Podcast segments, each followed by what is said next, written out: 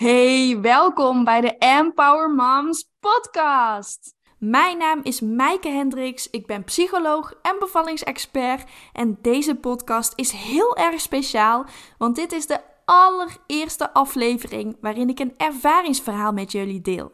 Daniela is hier te gast en zij vertelt hoe zij haar twee bevallingen heeft ervaren. Ze heeft echt twee fantastische bevallingen gehad, ook al ging het heel anders dan zij van tevoren had bedacht. Het zijn echt twee super inspirerende verhalen, dus hartstikke leuk dat jij dit met ons wilt delen, Daniela. Welkom! Dankjewel. Leuk dat je er bent. Ja, heel leuk om uh, hierin mee te werken. Zou je jezelf nog even kunnen voorstellen? Dat kan, ja. Uh, ik ben Daniela van Geels. Ik uh, ben yogadocent en moeder van twee zoontjes, Kaya Milo, van drie en één jaar. Pittige leeftijden? Ja, absoluut.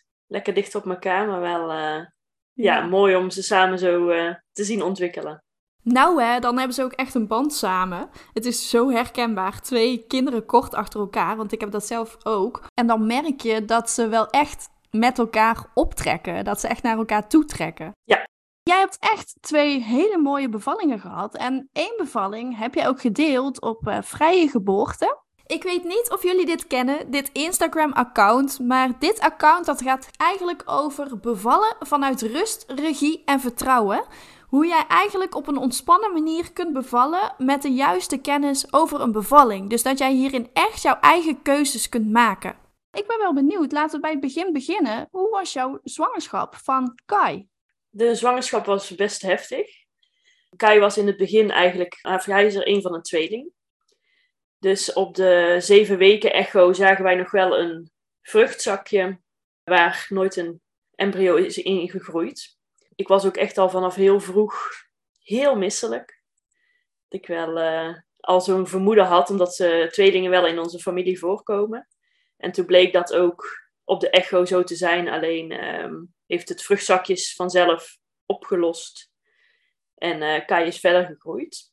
En ben toen echt nog wel tot 20 weken flink ziek geweest. Dus uh, ook medicijnen gekregen tegen de misselijkheid. En uh, gelukkig na 20 weken dat ik me een beetje weer mens begon te voelen. Eigenlijk vanaf 20 weken tot 36 weken best prima doorgelopen. Wel, uh, ik werkte toen nog in de thuiszorg. Dat ik merkte van, dat het toch wel pittig is om zwanger daar te werken. Tegen het einde dus van mijn zwangerschap, rond de 36 weken, had ik een controle bij de verloskundige. En daarin bleek dat ik een hoge bloeddruk had. Dus zijn ze dat verder gaan onderzoeken door eerst uh, mij terug te laten komen, twee dagen later geloof ik, om nog een keer de bloeddruk te meten. Toen bleek die nog hoog, urine te testen, wat steeds net wel, net niet aan eiwitten bevatte. Toen weer een controle in het ziekenhuis gekregen bij de gynaecoloog om toch te bespreken van stel dat het doorzit dat er toch een uh, zwangerschapsvergiftiging is, hoe of wat. Toen bleek eenmaal bij de gynaecoloog dat mijn bloeddruk weer normaal was. Dus ik juichte eigenlijk alweer bijna van, yes, het is toch niks. Alleen toen moest ik nog naar boven in het ziekenhuis uh, voor een CTG. En uh, onderweg daar, um, dat ik aan het CTG lag, bleef ze ook de bloeddruk meten. En toen bleef hij toch wel aan de hoge kant. En de urine zo ja, op het randje steeds, een plusje net. Dus hebben ze toch besloten dat ik toen ingeleid ging worden. Jeetje, maar wat een heftige zwangerschap wel. Ja, toch wel pittig. Uh, ja, ja, ik beval drie keer liever dan uh, dat ik nog zwanger ben. Nou, dat kan ik me helemaal voorstellen. Want hè, in het begin, je zei al, van in het begin was het een tweeling. Hoe was dat voor jou? Uh, er vielen toen wel bij mij de puzzelstukjes op een plek, zeg maar. Toen ik al zo misselijk echt vanaf dat ik een positieve zwangerschapstest eigenlijk al had, had ik eigenlijk al zoiets van, oké, ik ben echt zwanger, want ik merk het. En toen nog erger misselijk werd en qua werk ook merkte van, dit is toch wel heel heftig dacht ik al van, hm, zal het dan toch niet? Toen we eenmaal op de echo merkten van, oké, er is wel dus een vruchtzakje, maar dit uh, is nooit gegroeid. Ja, dan op dat moment denk je, oké, dat is zo. Dus je hebt nooit een kloppend hartje gezien en heb het best snel weer losgelaten. Maar later merkte ik toch wel dat dat natuurlijk wel een tweelingzwangerschap had kunnen zijn en uh, anders had kunnen lopen. Dus dan ben je er toch wel meer mee bezig. Ja. ja, een vanishing twin wordt daar ook wel genoemd, hè? Ja, ja, inderdaad. Dat is zo bizar om dat te beseffen dat er inderdaad twee hadden kunnen zijn. Ik, ik herken het helemaal, want ik heb hetzelfde meegemaakt. En toen is het uiteindelijk ook gewoon vanzelf opgelost. Dat is zoiets geks om te beseffen, hè? Dat, dat, dat je lichaam dat dan automatisch toch weer eruit werkt. Ja, ja, inderdaad. Ja, heel bizar. Ja. En dan met die, met die hoge bloeddruk op het eind, hè, dat, dat is ook enorm schrikken. Had jij al symptomen? Nee, helemaal niet. Nee, wel dat ik wat vocht vasthield, maar verder niet, uh, ja, wat ze zeggen, de sterretjes zien of qua handen of de voeten vocht, helemaal niks.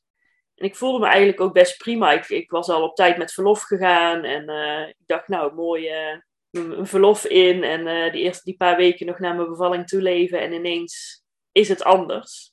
En zeker uh, omdat ik altijd gehoopt had thuis te bevallen. En het zo natuurlijk mogelijk te laten verlopen. Dan uh, zakt ineens wel de moed in je schoenen denkt... Oké, hoe gaan we dit nu nog fijn laten verlopen zonder dat het al te medisch wordt. Ja, ja want eigenlijk die droombevalling die jij heel graag wilde thuis bevallen... Ja, dat kon opeens niet doorgaan. Nee, nee dat was toen wel echt een klap in mijn gezicht. Dat vond ik echt wel heel erg. Wat ik nog vergeten was te vermelden, wat ik weet, is dat ik ook verloskunde heb gestudeerd en heel veel bevallingen heb meegemaakt en uh, zelfs mijn scriptie heb geschreven over badbevallingen. En het is natuurlijk mogelijk dat ik al sinds dat ik die opleiding deed, mijn droom naar een badbevalling thuis helemaal in sfeer uh, had bedacht. En daar zo graag, ook al weet je dat het natuurlijk heel anders kan verlopen, heb ik ook heel vaak gezien natuurlijk. Dan hoop je toch dat je die kans wel krijgt. En daar leek het heel lang ook gewoon op, omdat ik nooit ergens last van had. Geen andere symptomen. Ja. En wat gebeurde er dan op het moment dat jij te horen kreeg van, ja, het is niet goed, hè? je hebt uh, pre-eclampsie, te hoge bloeddruk, we gaan je inleiden. Wat deed dat met jou? Heel veel weerstand. Ja, ik kreeg heel veel weerstand dat ik eerst, uh, wat ik al zeg, toen ik bij de gynaecoloog kwam, toen die bloeddruk goed was, dat je dan weer hoop krijgt, oké, kan toch terug nog naar huis. Ook niet willen geloven dat het zo was. Dat ik, ik noemde het zelfs daar uh, witte jassenangst. Dat ik gewoon uh, daardoor mijn bloeddruk omhoog schoot. En uh, ja, dat je je toch op een andere manier gaat voorbereiden en ergens naartoe gaat leven. Ik kreeg het op vrijdag te horen en ze wilden me eigenlijk dat weekend al in het ziekenhuis opnemen. Totdat ze tijd hadden zeg maar, voor de inleiding. Dus daar heb ik toen al een stokje voor moeten steken. Om, zei, ik ben denk ik liever thuis dat ik daar tot rust kom dan dat ik hier nu af moet gaan wachten. Dus dat mocht gelukkig uiteindelijk ook nog. Maar um, ja, dat is gewoon complete weerstand. Ja, en als je dan in het ziekenhuis ook nog dat weekend zou moeten blijven liggen, dan maak je jezelf volgens mij ook alleen maar gek. Ja. Dat je, je bezig bent met, oh, maar hoe gaat dat dan? En wat zou er dan kunnen gebeuren? En vooral als verloskundige, je hebt natuurlijk heel veel gezien. En je weet allemaal wat er zou kunnen gebeuren en wat de risico's zouden kunnen zijn. En hoe het zou kunnen gaan met een inleiding. Dus dat lijkt me ook best wel een dingetje. Ja, ja dan ga je wel in de overgave dat je denkt, oké, het gaat anders waarschijnlijk lopen dan dat je gedroomd had. En uh, ja, hoe kunnen we daar toch nog iets van maken. Dat is dan wel wat we het weekend dan heel veel over hebben gehad samen, mijn man en ik. Ik heb wel ja, een bevalplan ook geschreven toen, die natuurlijk heel erg gericht was op thuisbevallen, van hoe kunnen we dit toch in een medische setting samen nog voor gaan staan, zeg maar, en er iets uh, van maken. En hoe is het toen uiteindelijk gegaan, toen je na het weekend dan naar het ziekenhuis moest? Kun je ons daarin meenemen? Ja, zeker. Ja. Wij hebben toen op vrijdag gehoord dat ze ons op zondag zouden bellen, want het was druk en personeelstekort. En uh, ze zouden op zondag ons laten weten wanneer we ons moesten melden in het ziekenhuis voor de inleiding. Dus ja, je zit al heel het weekend in spanning. Wat gaat er gebeuren? En op zondag werden we gebeld dat we ons om acht uur s'avonds moesten melden. En dan werd langzaamaan dingen in gang gezet. Nou ja, dan zit je eigenlijk heel de zondag nog af te wachten thuis als je eenmaal weet. Gelukkig was mijn baby shower ook dat weekend gepland. Het was eigenlijk een verrassing op die zaterdag, maar er is nog gevraagd maar wil je dan nog? Nou, dat wilde ik heel graag, want dat zorgde voor afleiding nog die hele zaterdag. Dat je denkt, oké, even niet denken aan die bevalling die komt, maar uh, gewoon nog even de mooie herinneringen maken. Ja, nog even genieten inderdaad van het zwanger zijn ja. überhaupt. Ja, dat ook. Ja, ja. Nou ja, dan ga je daar uh, s'avonds na het eten zit je te wachten tot je in de auto mag stappen en naar het ziekenhuis rijdt. En dan uh, om acht uur daarbinnen, eerst werd natuurlijk weer een CTG gemaakt, bloeddruk gemeten. Alles een beetje op een heel rustig tempo en uitgelegd. En uh, best laat in de avond toen nog is besloten dat er dan een, een ballonnetje is geplaatst bij mij. Ik had toen al wel volgens mij 2 centimeter ontsluiting. Dus met het ballonnetje hebben ze ingebracht zodat uh, zoveel mogelijk, in ieder geval de, de 4 centimeter ontsluiting kwam, uh, dat die eruit valt. En hopelijk op die manier de bevalling ingezet kon worden. Lukte dat toen? Hielp het ballonnetje? Ja, ja die is eigenlijk al heel snel. Uh, ik denk dat rond een uur of elf het ballonnetje is geplaatst. En ergens midden in de nacht is het ballonnetje uitgevallen. Je slaapt dan toch maar half. En ik merkte van er zit iets los. Dus ben ik er een beetje stiekem aan gaan trekken. Om te voelen van krijg ik hem, uh, zit hij echt los? En dat was zo. Nou ja, de volgende stap is dan natuurlijk uh, de vliezen breken. En daar was al het moment dat wij dachten van oké, okay, ik wil toch mijn lichaam steeds weer de kans geven om zelf iets in gang te zetten. En omdat het toch nacht was, hadden we besloten van oké, okay, we wachten gewoon tot de ochtend af of de vliezen zelf breken of niet. En dat was ook zo een uur later, om vijf uur uh, in de ochtend, braken mijn vliezen spontaan. Oh, wow. Dus mijn lichaam deed toch wel iets, uh, voor mijn gevoel. Toen hadden we daarna weer overleg met de artsen van wat nu gaf ik weer aan, oké, ik wil steeds weer na elke ingreep of na elke medische handeling kijken, wat doet mijn lichaam? Dus zijn we eerst weer af gaan wachten van, oké, als we vliezen breken, komt dan mijn weeën spontaan op gang. En dat is tot halverwege in de ochtend hebben we dat afgewacht. Achteraf heel kort, voor mijn gevoel, maar toen uh, stonden we daar wel achter die keuze. Toen hebben we langzaam aan de weeënopwekkers uh, aangezet. Maar ook weer wel met, met overleg om te zeggen van oké, normaal komen ze volgens mij elk half uur zo'n beetje wel uh, ophogen. Kunnen we daar niet een uur van maken en steeds weer zien wat het doet. Oh, wel fijn dat je daarin eigenlijk je grens aan hebt gegeven. Hè? Van nee, dat half uur is voor mij te kort. Laten we daar dan toch een uur van maken om te zien of mijn lichaam het wel gewoon zelf oppakt. Ja, ja, want die hoop had ik toch nog steeds van kan het zonder al te veel medicijnen, zonder al te veel handelingen. En uh, daar werd gelukkig goed in meegedacht, ja. Fijn, ja. En wie weet heeft je lichaam net dat extra zetje nodig hè, in het begin. En ja. is het daarna helemaal niet meer nodig. Ja. En merkte je dat het toen uh, sneller vorderde? Dat je lichaam het uiteindelijk wel zelf oppakte? Of heb je best lang nog die weeënopwekkers toegediend gekregen? Ja, eigenlijk echt tot aan mijn bevalling hebben we weeënopwekkers nodig gehad. Mijn lijf was er ook gewoon ook echt niet klaar voor. Dan merkte ik aan alles dat ik nog niet klaar was om te bevallen eigenlijk. Op zich de ontsluiting ging redelijk, zeg maar. Maar we hadden wel echt uh, een hogere stand waar we naartoe werkten voordat ik pas echt weeën kreeg. Had je achteraf gezien later pas ingeleid willen worden? Ja, zeker weten. Ja, als ik nu terugkijk met de kennis die ik nu heb, had ik, omdat ik zelf nog steeds een beetje in twijfel heb of ik wel echt zwangerschaps uh, vergiftiging had, preeclampsie had. Ja, zeker omdat mijn urine uh, steeds maar een, net een plusje aangaf. Ja, dat kan al met slijm of wat dan ook zijn. En uh, als je ook vaak leest dat eigenlijk 24 uur urine afgenomen moet worden en daaruit moet bekeken worden van zit er echt genoeg eiwitten in dat het een preeclampsie wordt, dan ja. Ja, want hoeveel weken was je zwanger? 37 weken en drie dagen. Oh ja. Hoe was het voor jou om die weeën op te vangen toen? ja, dat vond ik heel bijzonder. Ik had ook wel um, van alles meegenomen. Ik had een, een, zo'n zwangerschapsbal. Uh, ik had zelf ook zwangerschapsyoga in mijn zwangerschap gevolgd. Dus daarvan allerlei houdingen. Dus echt uh, ja, gaan staan, gaan dansen. We hadden muziek meegenomen. Op de bal zat ik uh, te wiebelen en we hebben eigenlijk gewoon samen een feestje van gemaakt. Hoe gek het ook klinkt, maar zeker in het begin toen die weeën absoluut nog niet heftig waren, was het gewoon ja, hebben we nog lol gemaakt samen en een beetje gedanst. En, ja. Oh, wat goed. Ja. ja. Het was fijn dat dit ook kan, want vooral in het ziekenhuis hè, hoor je vaak, oh, de vrouw ligt plat op de rug en die mag verder niet bewegen. En jij danste dan gewoon de kamer nog rond. Ja, ja ik nam gewoon het CTG-apparaat mee en de banden zaten op mijn buik en zo uh, kwam ik ook overal. Fantastisch, ja. ja. Ja, zeker weten. Dus als je in het ziekenhuis moet bevallen, dan kun je ook gewoon je eigen ding doen. Hè? Je lichaam volgen, wat is voor jou prettig. Wil jij bewegen, beweeg dan. Je hoeft niet standaard op je rug te gaan liggen. Om nee, en te wachten. Ja. ja, precies. Ja, en ook wat zo, ja, we hadden ook zelfs een diffuser bij met een geurtje wat ik heel fijn vond. En de lichten gedimd, gewoon echt wat ik hoopte thuis te hebben in die fijne setting. Dat, ik die daar, dat we die samen daar wel gecreëerd hebben. Inderdaad. Eigen muziek, gewoon een eigen playlist had ik van tevoren gemaakt. En, uh, ja.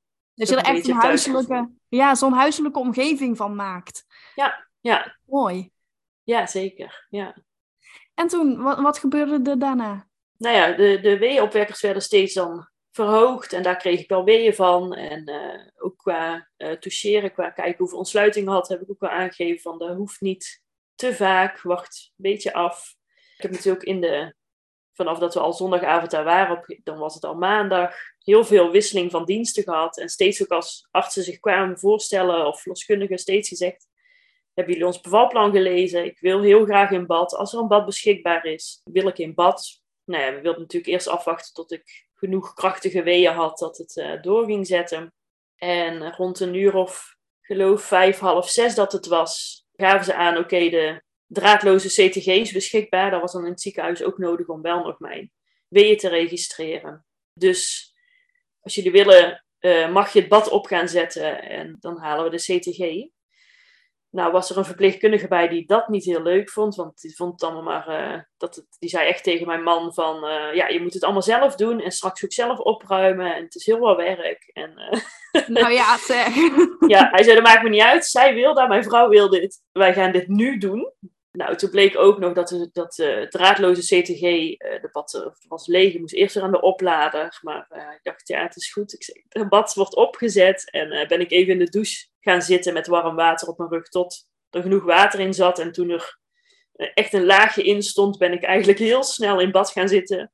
En dat ze ook mij niet meer eruit konden halen.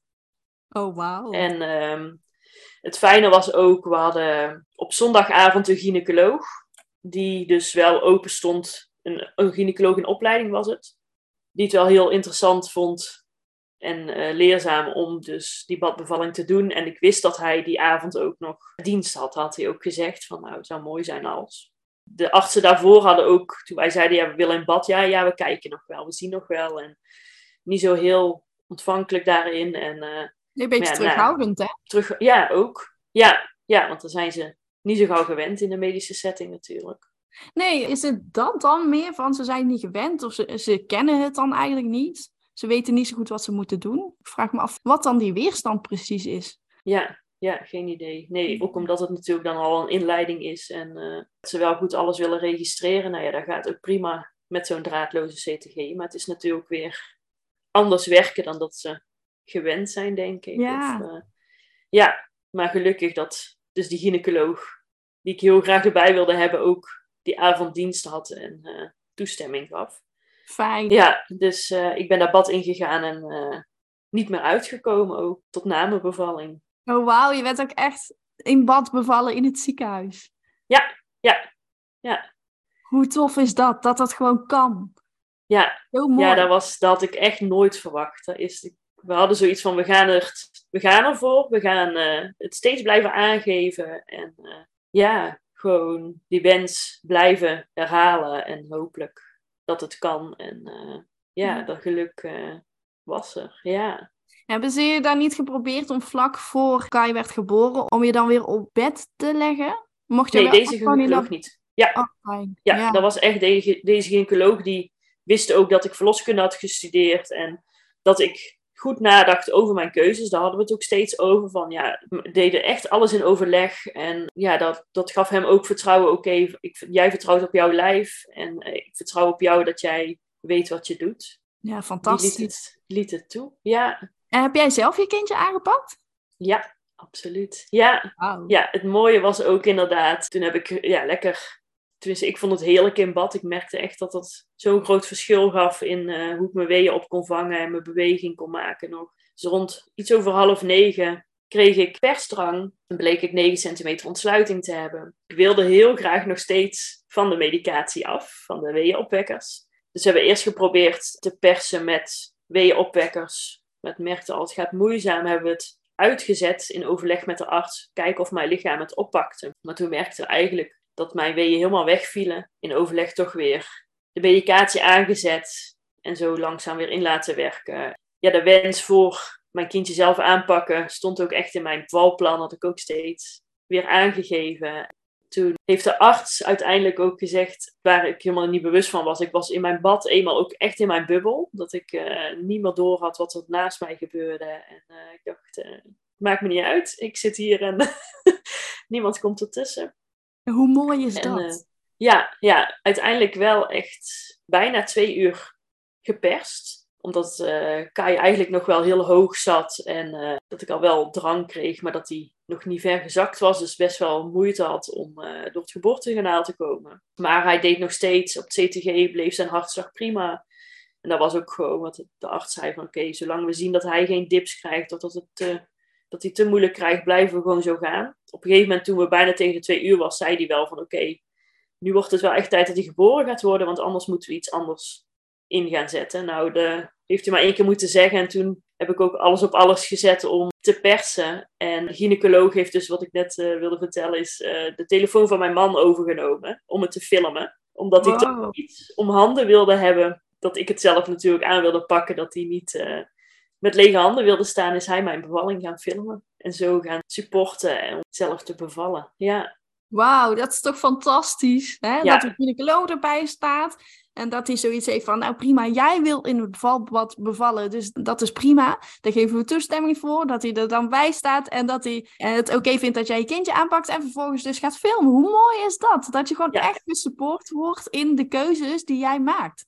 Ja, geweldig. Dat was echt ja, wat ik totaal nooit had verwacht dat dat zou kunnen gebeuren daar. En dat is echt, ja, ja. daar kijk ik ook echt met een heel goed gevoel op terug. Ja, oh, dat kan ik me helemaal voorstellen. En ja, de droombevalling thuis ging niet door. Maar heb jij nu het gevoel alsof je je droombevalling in het ziekenhuis hebt gehad? Absoluut. Ja, ja, echt wel. Dat is echt, uh, ja. Even een praktisch vraag. Heb, heb je dan zelf een bevalbad meegenomen? Of hadden ze in het ziekenhuis een bevalbad? Nee, ik ben in het Jeroen Bos ziekenhuis uh, bevallen. En daar hebben ze gewoon losse opblaasbaden die je ook kan huren. Ik had er dus eentje gehuurd van de kraamzorg.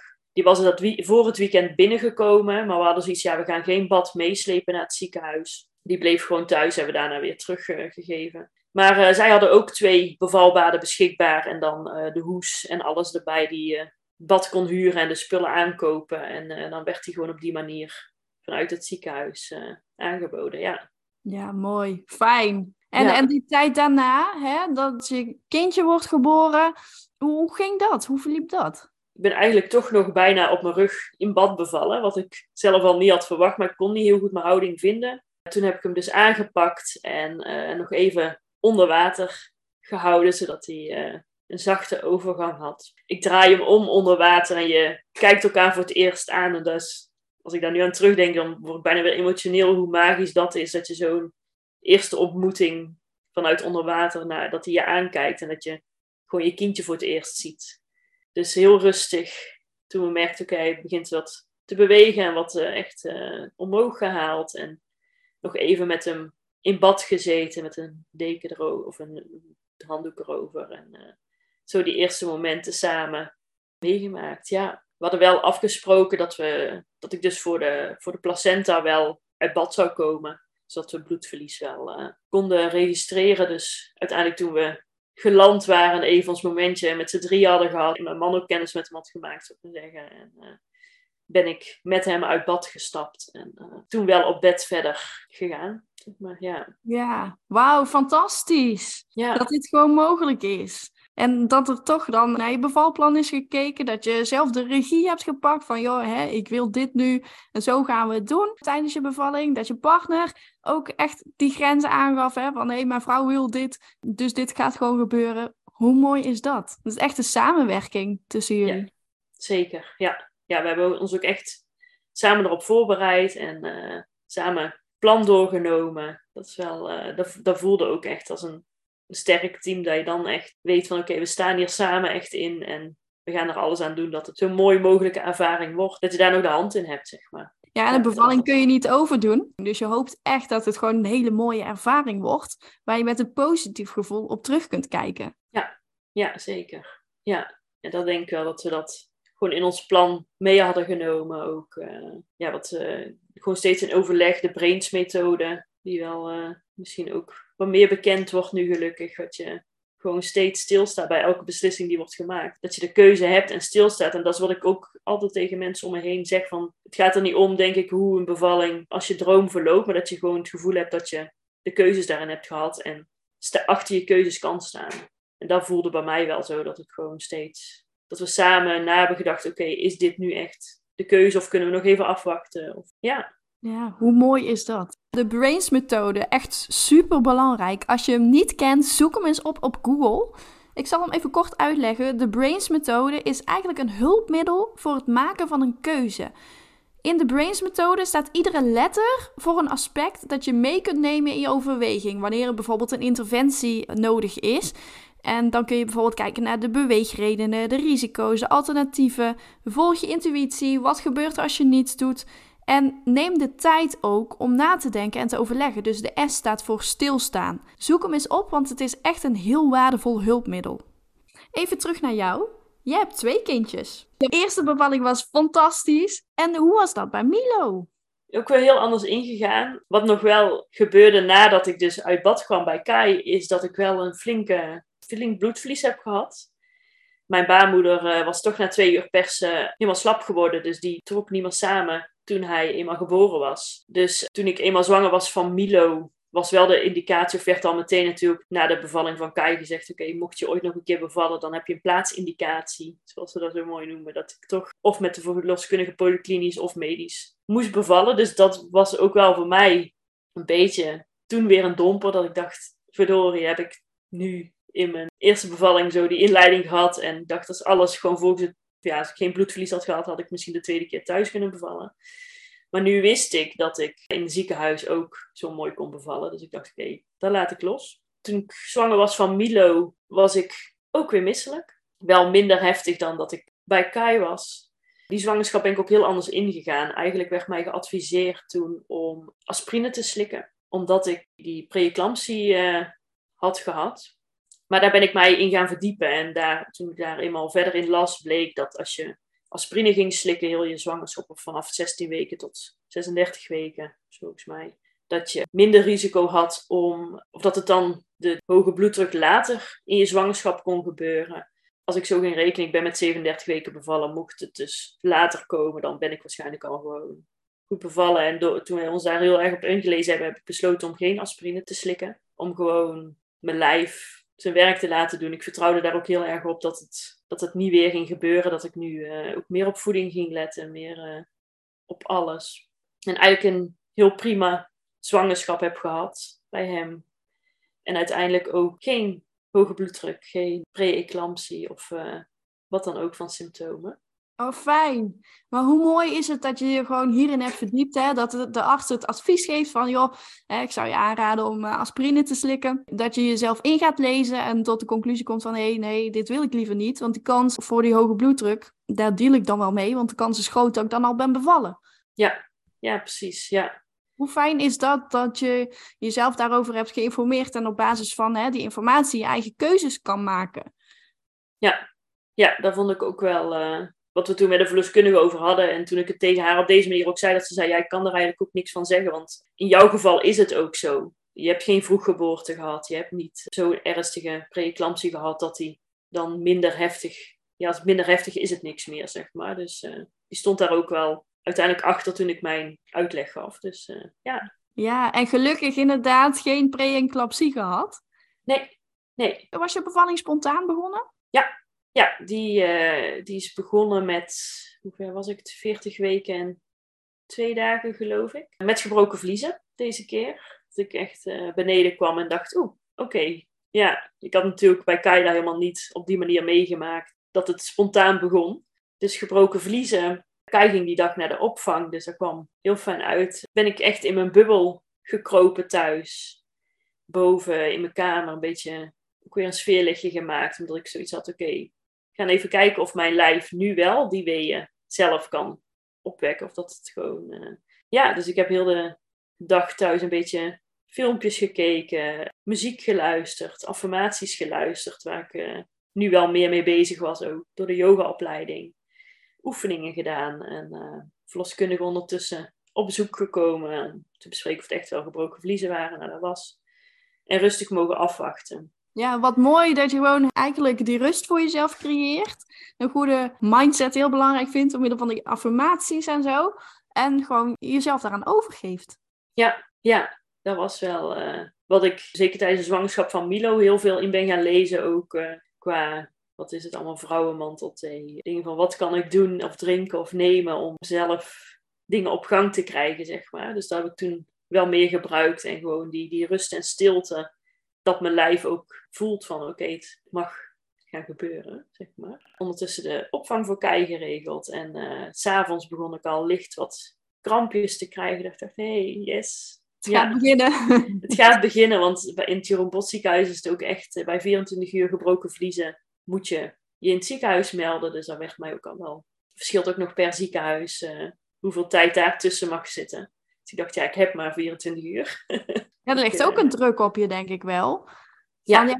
dat je wel echt hoopt dat het binnen die 24 uur gaat starten, omdat het dan misschien anders toch weer een inleiding gaat worden. Ja, ja dat was wel. Uh, ja. Maar daar heb ik echt wel proberen los te laten door gewoon in die bubbel en alles. Dat ik wel in ieder geval voor mijn gevoel alles eraan had gedaan dat mijn lijf het over ging nemen. Dat mijn lijf weeën ging opwekken. Dus uh, ik denk dat dan kan ik nooit zeggen dat ik het niet heb gedaan. Dus eigenlijk heel zo, ja, wel proberen te gaan slapen s'avonds nog. Dat lukt dan. Tenminste, bij mij lukte dat echt niet meer om uh, de rust te vinden. Dus in de kamer gaan wandelen. En, uh, op zich nog niet eens hele heftige weeën gehad. Dus ze werden wel steeds pittiger, maar niet regelmatig. Of ik dacht, oké, mijn lijf is wel zelf aan het werk gegaan. En we hadden afgesproken met de verloskundige dat, of ja, als ik ochtends dan nog niet voldoende weeën had of niet bevallen, dan moest ik mij om acht uur in het ziekenhuis melden om verder geholpen te worden. Toen hebben we haar toch om zes uur s ochtends gebeld van wil je even controleren hoeveel ontsluiting je hebt, want oké, het is nog niet regelmatig, het is niet wat ze zeggen bij een tweede bevalling, dat het om de zoveel minuten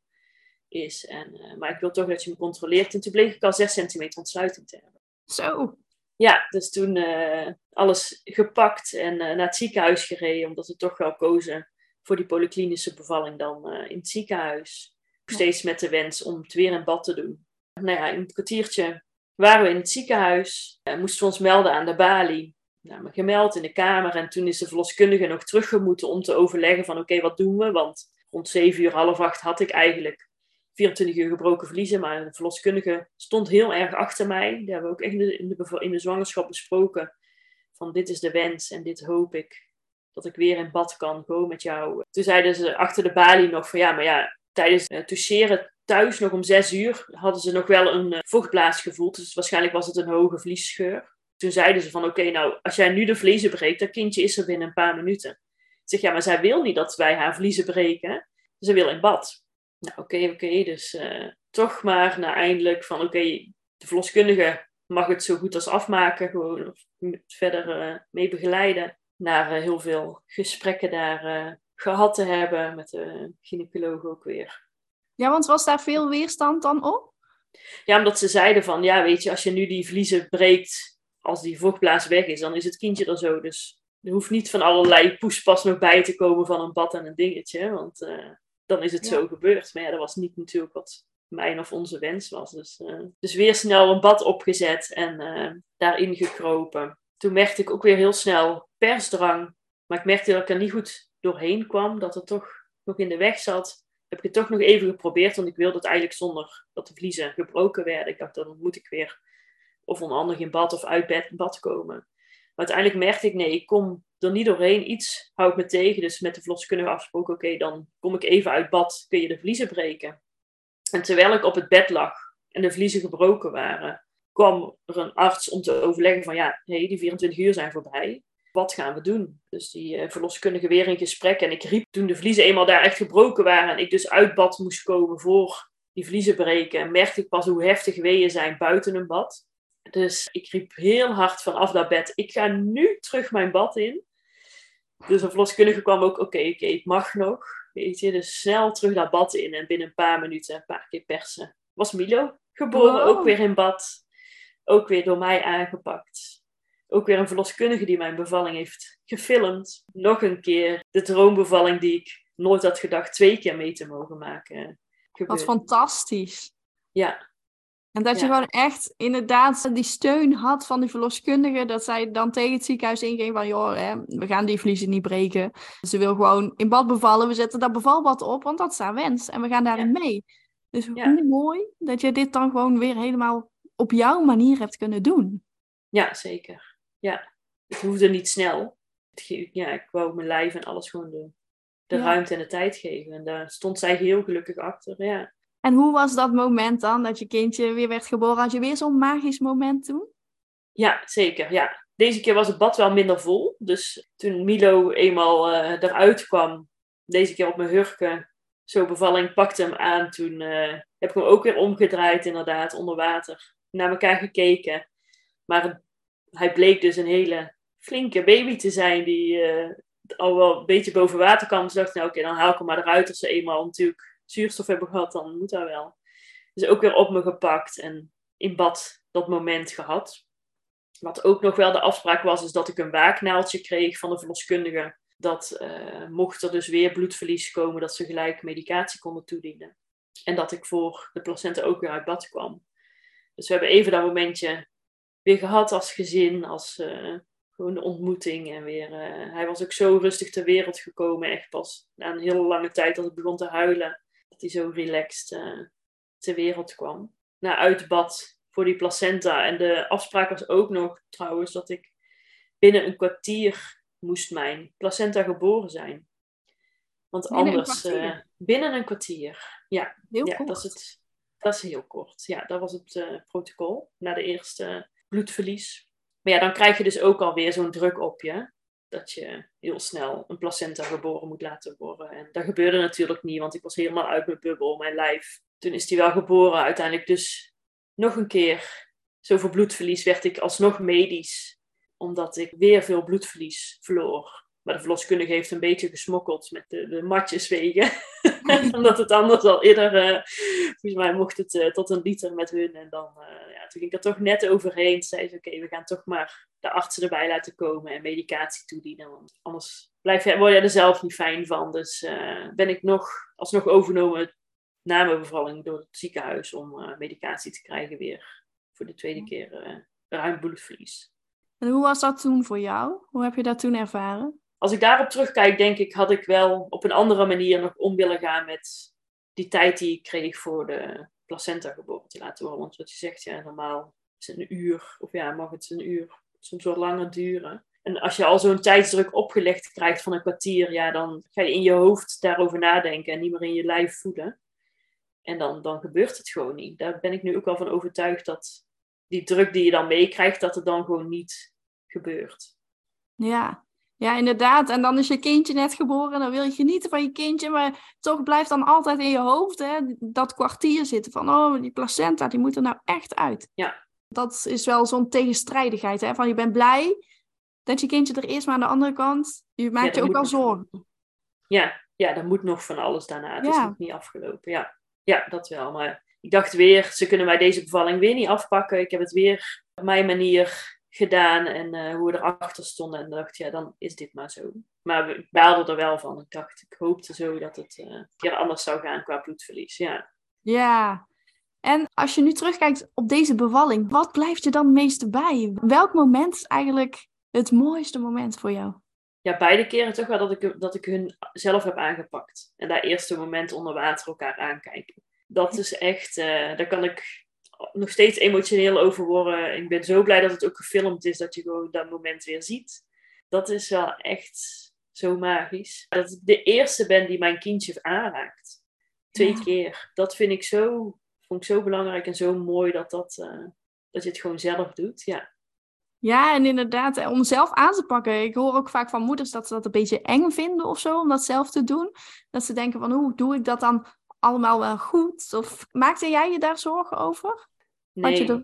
Nee. maar dat is misschien ook, denk ik, eh, dat je natuurlijk tijdens de verloskundeopleiding ook veel kindjes van een ander hebt aangepakt. Dat je misschien daar een beetje meer in weet, maar dat ik ook zo vertrouwde op mijn lijf en die kleine dat dat wel gewoon goed gaat. Dat je niet zomaar keert vastpakt of nee. Nee, ik had echt zoiets. Zeker in bad natuurlijk, dan drijven ze wel wat rustiger uit. Dus dan kun je ook niks. Uh... Nee, precies. Gek zijn, denk ik. En twee droombevallingen dus eigenlijk. Wat zou jij aanraden voor moeders die eigenlijk ook zo'n droombevalling willen, maar die ook bevalwensen hebben die eigenlijk tegen de protocollen ingaan? Wat zou je tegen ze willen zeggen? Maar vooral doen. Vooral erover praten, je goed erover inlezen. Wat je al in het begin noemde, vrije geboorte is daar wel een heel fijne boek van. En uh, Instagram en Facebook die je kan volgen. Maar vooral ook echt met je verloskundige in gesprek gaan en aangeven wat je wensen zijn. Ik denk dat dat al stap 1 is. En uh, dat je ook een goed gevoel hebt bij de verloskundige waarbij je bent. Dat die achter jouw wensen staan en uh, mee kunnen denken daarin. Dat dat uh, al een basis legt om op een andere manier richting je bevalling te gaan. Ja. ja, zeker. Hele goede tip. Ook een hele mooie afsluiting, want er is gewoon heel veel mogelijk. Maar je zult wel zelf inderdaad jouw wensen op moeten schrijven en dit bespreekbaar maken. Dus daarom is het goed om je erin te verdiepen van hè, wat wil je nou eigenlijk en wat wil je ook vooral niet. Dus niet alleen te focussen op wat wel, maar ook vooral op wat niet. En stel dat het medisch wordt. Jij gaf in het begin ook aan van hè, toen heb ik een, eigenlijk een vernieuwd bevalplan moeten maken om te kijken van hé, wat kan ik dan wel in een medische situatie doen. Zodat het toch een droombevalling wordt. Ja, zeker. En ook inderdaad die, die Brains methode, die heeft, daar ben ik zo blij mee dat ik die heb leren kennen tijdens mijn eerste zwangerschap en in kon zetten. En dat dat, hoe je bevalling ook loopt, want het zal nooit altijd als een droombevalling zijn, maar dat je gewoon achter die keuze kan staan. Dat, uh, dat is denk ik wel nog het meest belangrijke. Dat er niet zomaar gehandeld wordt zonder dat jij erachter staat, maar dat jij stil kan staan, is dit nu nodig? En dan op die manier goed hopelijk terug kan kijken. Ja, supermooi. Ik wil jou ontzettend bedanken, Daniela, voor het delen van jouw openhartige verhaal. Want het zijn, het is, zijn natuurlijk intieme bevallingsverhalen. Maar ik denk dat jij hier echt heel veel mensen mee hebt kunnen inspireren. Want het is niet de standaard, hè? maar het, het kan gewoon. Als jij het echt wilt, dan kan het. Dus moeders die luisteren, maak het gewoon bespreekbaar. Er is zoveel meer mogelijk dan je misschien op dit moment denkt. En als mensen meer over jou willen weten, want jij bent yogadocent voor zwangeren en moeders. Je hebt je eigen bedrijf. Waar kunnen mensen meer over jou vinden? Op dit moment ben ik uh, op Instagram en Facebook te vinden. Mijn bedrijf heet Una Lome Lotus Yoga. En er is nog een website in de maak. Zodra die er is, dan uh, gaat die op mijn social media gedeeld worden. Maar het is allemaal nog uh, in ontwikkeling. Er komen nog hele mooie dingen aan, inderdaad, voor zwangere en moeders die ik in de toekomst wil uh, gaan organiseren. Dus uh, zeker uh, het volgen waard, denk ik. Ja, zeker een volgtip. Jullie ook allemaal bedankt voor het luisteren naar deze podcast. Dus mocht je meer willen weten over Daniela, zoek haar dan op op Facebook of op Instagram. En wil je meer weten over mij en wat ik eventueel voor jou kan betekenen, ga dan naar empowermoms.nl of zoek me ook op op Facebook of Instagram at empowermomsnl. Dankjewel voor het luisteren en tot de volgende keer.